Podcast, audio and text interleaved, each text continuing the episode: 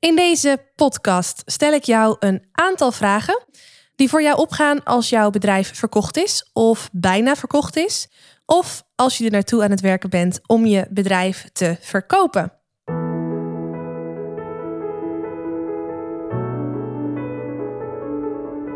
Mijn naam is Marije Wielenga. Is presenteren voor jou van essentieel belang om succesvol te zijn? Zakelijk, publiekelijk of persoonlijk? Dan is deze podcast Stralend Presenteren voor jou. Als Nederlands kampioen in speechen daag ik je uit om boven de saaie zakelijke presentatiestandaard uit te stijgen. En meer dan dat nog, om boven je eigen standaard uit te stijgen. Blijf luisteren om te leren hoe.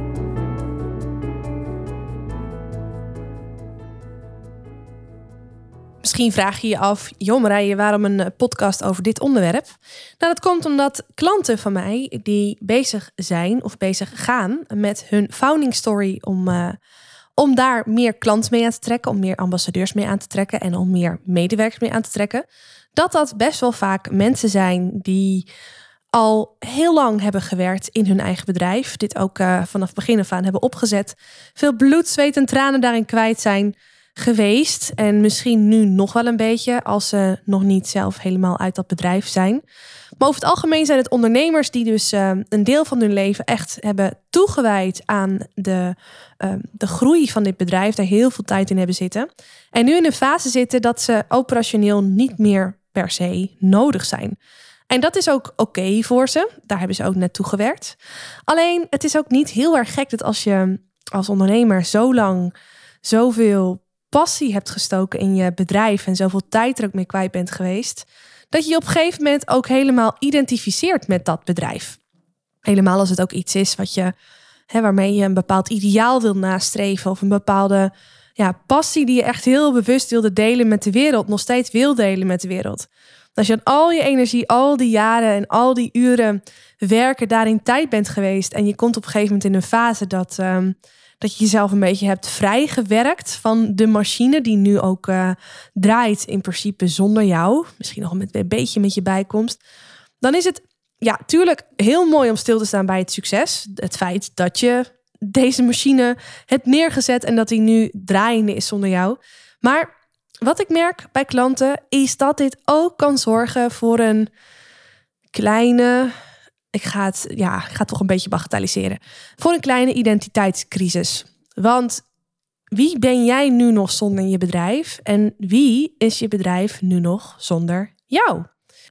Het kan zijn als je deze aflevering luistert dat je denkt: Oh mijn god, ja, dat herken ik. Het kan ook zijn dat je denkt: nee joh, daar ga ik straks helemaal geen last van hebben. nou, waar jij ook zit in dit stadium, geloof me dat het niet raar is dat als je zover bent dat je je bedrijf, um, dat, je, dat je jezelf hebt ja, vrijgevochten, klinkt alsof het iets heel negatiefs is. Maar als, als je zover bent dat je zelf niet meer zo hoog nodig bent om de operatie draaiende te houden. En misschien wel overwegende bent om het te gaan verkopen of deels te verkopen. Dat je vrij bent, dat je zelf helemaal geen actieve rol meer hoeft te hebben in het bedrijf om het draaiend te houden. Dan is het gewoon niet gek dat je je deze vraag stelt. Wie ben ik nog zonder het bedrijf? Wie is het bedrijf nog zonder mij? Over het algemeen maken we onszelf vaak veel te belangrijk. Hè? Want als je, um, als je bedrijf in principe nu draait zo zonder jou, dan, um, ja, is natuurlijk een, uh, een, een ego-strelende gedachte om te denken dat je, dat je echt niet helemaal los kan raken. Maar de realiteit blijkt vaak anders. En niet heel gek is het dan ook dat mijn klanten in het stadium waarmee ze dus, uh, waarin ze dus zitten, dus ofwel bijna voor de verkoop, of als ze het al verkocht hebben, of als ze in ieder geval zichzelf hebben vrijgesteld, zichzelf gaan afvragen: van, joh, wat ga ik nu doen met mijn leven? Wat is de volgende stap? En sommige ondernemers zijn alweer uh, met andere dingen bezig. Uh, hebben alweer nieuwe uh, uh, investeringen gedaan in nieuwe bedrijven. Zijn alweer met nieuwe mensen in gesprek om een nieuwe tak op te zetten of totaal wat anders te gaan doen. Maar er zijn ook ondernemers die zich nog volop aan het oriënteren zijn, omdat ze dachten heel erg gelukkig te worden van het idee dat ze strakjes vrij zouden zijn, meer tijd zouden hebben. Maar nu het zover is dat ze zichzelf toch een beetje benauwd beginnen te voelen van, oh, maar is, is het het dan? Ik ben nog zo jong en ik voel me nog zo fit en ik heb nog zoveel kennis en wijsheid in me. Wat zonde als ik dat nou niet in ga zetten. Wat ga ik doen? Nou, waar jij ook staat in dit proces, deze podcast is voor jou. Als je dus van plan bent om je bedrijf op een gegeven moment te verkopen, om daar los van te komen. Ik wil je in deze podcast een, uh, een aantal vragen stellen die jij jezelf weer mag stellen om weer een nieuw perspectief te schetsen en ook te contempleren met wat is, met wat is geweest, met waar je nu staat. De eerste vraag is wat zachter. De eerste vraag is wat meer gericht op jouzelf, op een stukje, ja, noem het uh, spiritualiteit. Stilstaan bij uh, waar je nu staat en wat het bedrijf voor jou heeft gedaan. En wat de lessen zijn die je hieruit hebt geleerd. En wat die lessen dan weer mogen betekenen voor andere mensen. En de andere vragen zijn wat meer praktisch van aard. Als je van plan bent om daar wat mee te doen. Nou, komt ie. Vraag nummer 1 die je jezelf mag stellen. En dit vind ik persoonlijk een hele mooie. Welk verhaal laat je achter voor je kleinkinderen? Welk verhaal laat je achter voor je kleinkinderen? Met het verkopen of met het afstand nemen van dit bedrijf. Het is niet gek als je door al die jaren werken dat je zo in het bedrijf hebt gezeten, dat je zo bovenop de daily business hebt gezeten, dat je je niet voldoende nog de ruimte hebt gegeven om even uit te zoomen op al die tijd die jij kwijt bent en kwijt bent geweest aan het bedrijf zelf, aan het oprichten van het bedrijf, aan het kansen zien voor het bedrijf, aan het bewust doen van investeringen voor het bedrijf, die de ene keer wellicht heel goed hebben uitgepakt en de andere keer wellicht niet zo goed hebben uitgepakt. Misschien heb je nog niet voldoende stilgestaan bij wat er met jou persoonlijk allemaal wel niet is gebeurd in al die jaren dat jij als ondernemer in dit bedrijf voor dit bedrijf hebt gewerkt. Denk daar eens rustig over na. Welke levensevents zijn de revue gepasseerd? Misschien heb je een relatie gekregen. Misschien heb je uh, meerdere relaties gekregen. Zijn er een aantal relaties ook weer gestopt? Misschien heb je kinderen gekregen. Misschien zijn er nieuwe mensen in je leven gekomen. Misschien heb je ook juist weer afstand moeten doen van mensen. Mensen die je lief had. Mensen die zijn gaan verhuizen. Mensen met wie je opeens een ander ja, waarbij je tot de conclusie kwam dat je op een gegeven moment andere dingen belangrijk vond in het leven, waardoor de relatie gewoon niet meer zo lekker liep en waardoor jullie hebben besloten om al dan niet bewust of misschien stilzwijgend niet meer met elkaar om te gaan of minder met elkaar om te gaan. Misschien ben je verhuisd. Misschien heb je een huis gebouwd. En al die levensgebeurtenissen, privé, hebben ongetwijfeld ook weer een uitwerking gehad op je bedrijf en op de keuzes die je hebt gemaakt voor je bedrijf. Kun je eens nagaan hoe dat voor jou is geweest? En andersom ook. In je bedrijf zullen ook ongetwijfeld heel veel gave dingen zijn gebeurd, heel veel mooie ontwikkelingen hebben plaatsgevonden. Maar het zal vast niet altijd over rozen zijn gegaan. En het kan zelfs zo zijn dat net die dingen die voor de buitenwereld zo succesvol leken en zo groot leken, dat die aan de achterkant, aan de binnenkant van het bedrijf, of misschien aan de binnenkant van jouw belevingswereld, van jouw ontwikkeling als ondernemer, van jouw eigen perceptie op zaken, dat die toch wat minder makkelijk en minder fantastisch waren dan dat men altijd dacht. Omdat ze alleen de voorkant zien en niet de achterkant beleven zoals jij dat doet als ondernemer. Sta daar eens bij stil. En sta ook eens stil bij hoe de uitwerking daarvan is geweest op jouw leven. Als je zo eens nadenkt over die fase waarin jij met zoveel liefde en passie, tenminste, daar ga ik even vanuit, aan je bedrijf hebt gewerkt. En als je zo eens nagaat wat voor dingen er in jouw leven persoonlijk allemaal de revue zijn gepasseerd. Wat zijn dan lessen die je nu voor jezelf kunt leren of nee, hebt geleerd, die je nu voor jezelf op een rijtje kunt zetten? Wat zijn de dingen waar je trots op bent? En wat zijn de dingen waarvan je achteraf denkt: hmm, als ik het nog een keer over zou doen, zou ik het toch net even anders hebben gedaan? Heb je bijvoorbeeld, als je kinderen hebt, altijd heel bewuste tijd genomen om met je kinderen op te trekken? Om ze s'avonds naar bed te brengen, een verhaaltje voor te lezen? Of denk je achteraf, shit, Dat had ik best wat vaker mogen doen. Hoe zit het met sporten? Met bewegen? Heb jij altijd ook aan jezelf gedacht, aan wat jij nodig had, even los van wat het bedrijf nodig had? En zette je jezelf daarbij op één of je bedrijf daarbij op één? Kon je daar een goede balans in vinden? Hoe was dat in je relatie? Dit zijn allemaal vragen die liggen onder de vraag: welk verhaal laat je achter voor je kleinkinderen?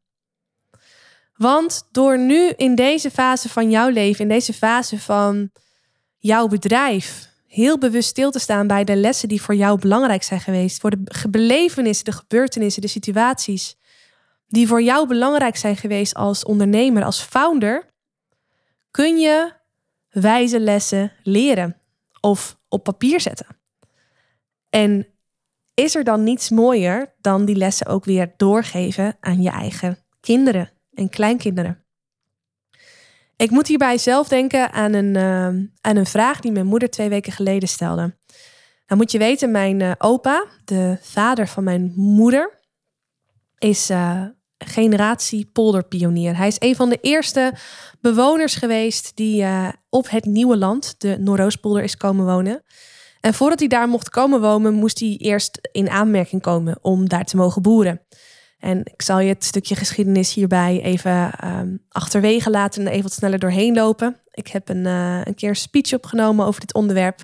Hoe die uh, selectieprocedure plaatsvond. En hoe mijn opa's en oma's, uh, of eigenlijk mijn opa en oma en paken en beppen, want ik had ook een Friese opa en oma, hoe die dat hebben beleefd, of een stukje daarvan. Maar mijn opa, dus van mijn moeders kant, kwam uit Zeeland. En die heeft, voordat hij echt ging boeren in de Noordoostpolder, heeft hij gevochten in Indonesië. En dit is best wel een uh, bewogen stuk geschiedenis. Ik weet daar zelf nog niet het hele fijne van af. Maar wat ik wel begreep van mijn moeder, en daar heeft ze wel eens over verteld, is dat mijn opa eigenlijk nooit wat los heeft gelaten over die periode dat hij in Indonesië heeft gevochten. Misschien heeft hij wel eens wat, wat, wat noem je dat? insinuaties, ins, wat, wat, wat, wat dingen verteld die daar een beetje naar uh, lieerden, zeg maar, daar verwezen. Maar dan meer in van dat dat een heftige periode was en dat ze daar verder niks over mochten zeggen. Volgens mij mochten ze er überhaupt ook niks over zeggen. Maar het was wel heel duidelijk aan um, mijn opa's gedrag en vooral ook wat mijn oma daarover vertelde, hoe hij was voor de oorlog en hoe hij was na de oorlog dat mijn opa daar de nodige dingen heeft meegemaakt die, uh, die je niemand gunt. Dingen heeft gezien die je niemand gunt. En nou heeft hij jaren later, uh, heeft hij mijn, uh, mijn oom en tantes, waaronder dus mijn moeder en ook mijn moeder, een boek gegeven over die oorlog in Indonesië. En op de binnenflap van dat boek heeft hij geschreven dat, dat, dat, dat hij dit geeft aan zijn kinderen om door te geven aan zijn kleinkinderen, zodat zij weten waar hun opa, wat hun opa heeft gedaan of waar hun opa aan bij heeft gedragen. Een letterlijke tekst weet ik niet. Maar zo staat dat in zijn handschrift in dat boek. En dat boek ligt nu bij mijn moeder. En er kwam twee weken geleden van mijn moeder de vraag, die dus ook echt heel weinig weet uh, van de oorlog en ook vooral wat de rol is van mijn opa. De rol was van mijn opa. Mijn opa is al heel lang dood. Die heb ik zelf ook niet goed gekend. Ik was volgens mij zes toen hij kwam te overlijden. En mijn moeder zei dat mijn opa in die tijd, in die oorlog, brieven heeft geschreven aan mijn oma. Die heeft hij ook naar mijn oma opgestuurd. Mijn oma heeft die bewaard. Dus achteraf heeft mijn oma best wel veel geweten, denk ik dan. Mijn oma is ook al heel erg lang dood. we kunnen het er niet navragen. Maar mijn, uh, mijn tantes en mijn moeder hebben op een gegeven moment uh, die brieven teruggevonden. Maar ik weet niet hoe, maar die brieven die hebben uh, waterschade gekregen. Om een of andere reden. Dus die waren niet meer leesbaar. Super zonde natuurlijk, want hier ging een fantastisch stukje familiegeschiedenis was hier verloren gegaan. Toch hebben ze die brieven wel altijd bewaard. En nou hebben ze onlangs, een poosje geleden, hebben ze het voor elkaar gekregen via iemand anders om die brieven opnieuw te ontcijferen. Iemand heeft dat voor hun kunnen doen. En het was even heel spannend of dat ging lukken. Want het was inderdaad heel moeilijk om die brieven nog, um, nog goed te kunnen lezen. Maar op de een of andere manier is het dus toch gelukt. Waarop mijn moeder twee weken geleden aan ons de vraag stelde: van, Goh, um, er zijn ontzettend veel documenten nu teruggekomen van die persoon die dat allemaal heeft uh, hersteld. Willen jullie dat ontvangen? Waarop mijn antwoord natuurlijk was ja, zeker weten. Dus ik heb van de week heb ik van mijn moeder een hele uh, file gekregen met allemaal bestanden, met allemaal informatie uh, over brieven uit brieven die mijn opa aan mijn oma heeft gestuurd in die periode van oorlog. Ik heb ze nog niet geopend. Ik wil daar echt even een rustig moment voor nemen. Maar dat is iets waar ik aan moet denken als ik jou nu de vraag stel: welk verhaal laat jij achter voor je kleinkinderen? Omdat ik nu als kleinkind van mijn opa onwijs benieuwd ben naar zijn verhalen uit de oorlog. Ik merk dat ik hem, omdat het mijn opa is, toch op een bepaald voetstuk zet. En dat als er iemand is van wie ik iets aan wil nemen of van wie ik iets wil leren, dat hij dat is. Omdat hij mijn gelieerde stukje geschiedenis is. En dit is dus wat jij straks bent voor jouw kleinkinderen. Als je die mag krijgen. Of anders nageslacht wat je dierbaar is. Zo kun je het ook beredeneren. Dus um, als dat zo is, als strakjes mensen iets van jou mogen horen of lezen, wat is dat dan? Wat zijn dan de wijze lessen die jouw kleinkinderen van jou mogen leren als het gaat om de lessen die jij hebt geleerd uit het opzetten van je onderneming en het, ja, het, het, het, um, het in de wereld zetten van jouw bedrijf, van het bedrijf. Wat je ook verder gaat doen, ik gun je dat je in ieder geval stilstaat bij deze vraag.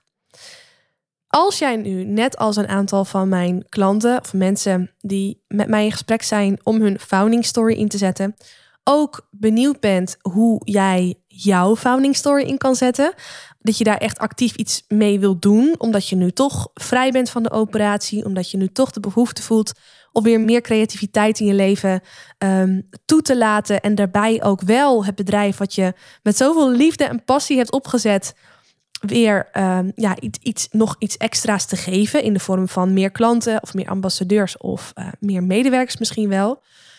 Dan kan het inzetten van die founding story fantastisch werken. En de volgende vragen die ik je ga stellen zijn dan ook voor jou als je bewust overweegt om iets met dit verhaal te doen. Om iets te doen met dat verhaal wat jij achter wil laten voor je kleinkinderen.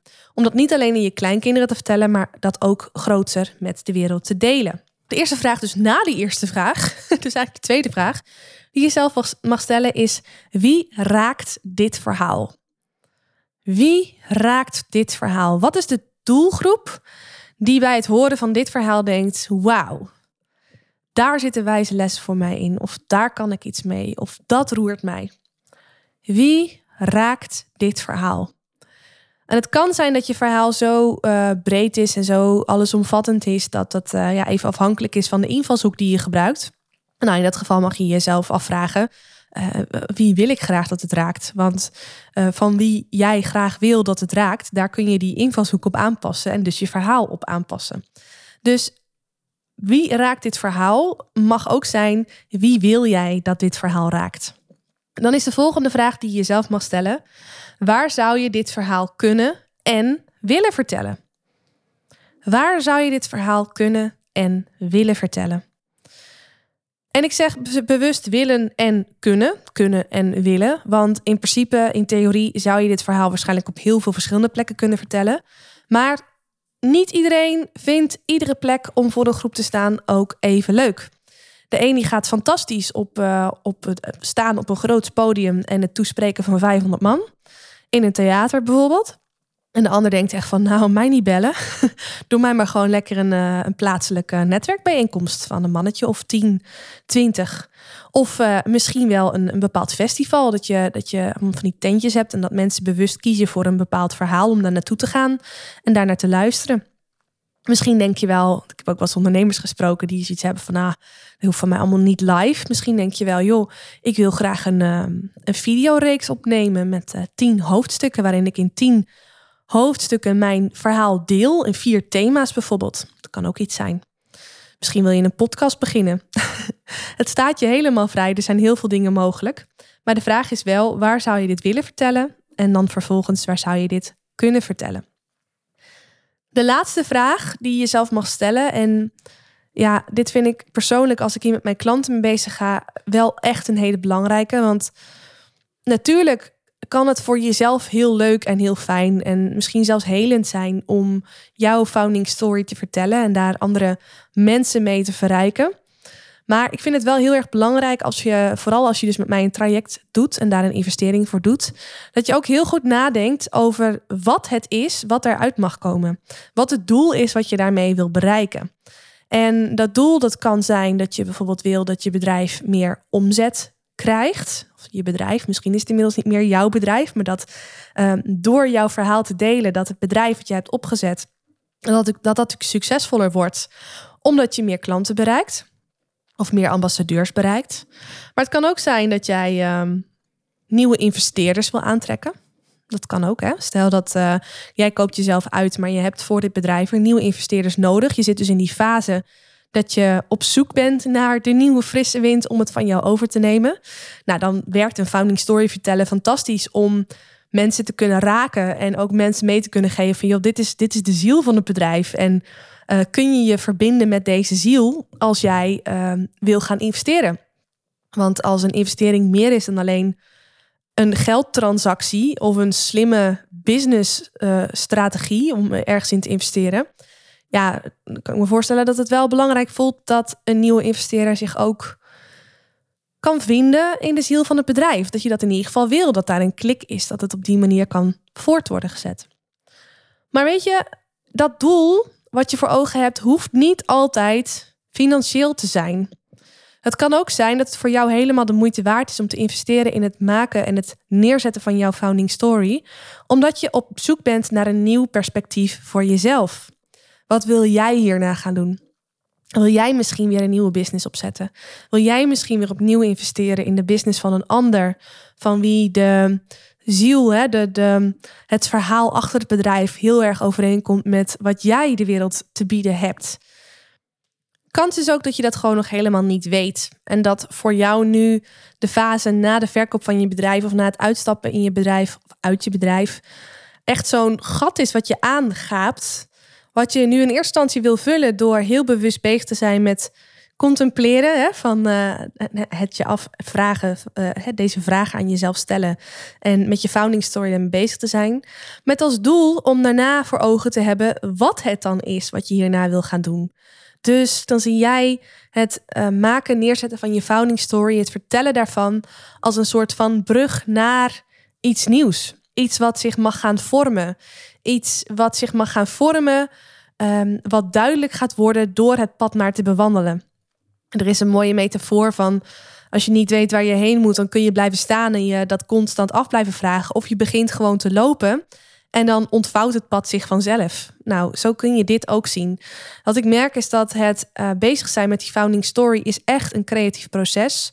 Een creatief proces waar mensen in deze fase van hun ondernemerschap ook echt behoefte aan hebben. Na al die jaren hard werken en er weer even uh, boven kunnen hangen. Het weer even in perspectief kunnen plaatsen. Het is gewoon heel fijn om op die manier bezig te zijn. En je gedachten op een rijtje te zetten. En vaak komt daar dan ook weer heel veel moois uit. Soms ook dingen waarvan je niet had gedacht dat je dat zou willen. Dat je dat in je had zitten.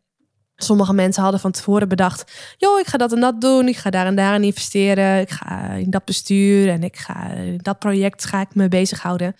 En die zijn dan vervolgens bezig en denk ik van nee hoor, nee hoor, ik ga gewoon alleen nog maar uh, tennissen drie keer in de week en met mijn kleinkinderen lekker uh, broodje eten of zo. Kan hè? of ik ga een huisje kopen in uh, Marbella en ik ga daar lekker een paar keer per jaar heen met mijn gezin. Hartstikke leuk. Maar er zijn ook mensen die het precies andersom hebben. Die voor ogen hebben dat ze weer helemaal niks gaan doen. Om gewoon lekker uh, uh, uh, ja, met pensioen te gaan. Even ongeacht de leeftijd. Je hoeft dan helemaal niet oud te zijn. En dan vervolgens in zo'n traject erachter komen van... hé, hey, maar wacht even. Als ik nu niks meer ga doen met mijn werkende leven... dan, ja, niet dat mijn kennis en ervaring dan vergaat. Alleen dat is een beetje onbenut potentieel of zo. En ik voel ook dat ik nog wel de energie heb om hier wat mee te doen. En als die woensdag uh, voelt als een zondag en die donderdag ook en die vrijdag ook en die maandag en dinsdag ook. Ja, dan is het wel fijn om op een vrijdag toch weer echt een keer echt het vrijdaggevoel te kunnen hebben. dat je zegt, oh, het is weer weekend. Oh ja, in plaats van het is iedere dag weekend. Dus die mensen zijn er ook die erachter komen dat ze dachten Uh, dat ze dus uh, het heel fijn zouden vinden om even niks aan hun hoofd te hebben. En die daarop terugkomen en merken van nee, ik wil toch wel degelijk weer wat anders gaan doen in mijn, met mijn leven, in mijn leven, op werkgebied. Um, en daar in dat traject dus, uh, dus achterkomen. Dus terug naar die laatste vraag van wat is datgene wat je wil bereiken met het maken en vertellen van jouw founding story? Heb dat wel helder voor ogen. En helemaal als je met mij een traject ingaat, dan vind ik het gewoon heel erg belangrijk dat je weet waar je naartoe werkt. Want het is leuk om gewoon voor de leuk uh, te investeren in, uh, in zo'n traject. Maar ik gun je dat het ook echt iets oplevert. Dat is voor mij heel belangrijk en ik vind dat het voor jou minstens zo belangrijk moet zijn. Zo, lieve luisteraar, dat waren de vragen. Ik loop ze nog één keer met je langs. Ik loop ze nog één keer met je door. De eerste vraag is vooral een contemplatievraag. Welk verhaal laat je achter voor je kleinkinderen? En dan als je hier echt actief mee aan de slag gaat, als je echt actief jouw founding story wil gaan vertellen, ofwel op kleine ofwel op grootste schaal, dan mag je jezelf nog drie vragen afstellen, gaan bevragen. Waarvan de eerste is: wie raakt dit verhaal? Dus voor wie is dit verhaal? En als het meerdere mensen zou kunnen raken, dan mag je jezelf afvragen: wie wil ik dat dit verhaal raakt? De vraag daarop is: wie zou je het kunnen en willen vertellen?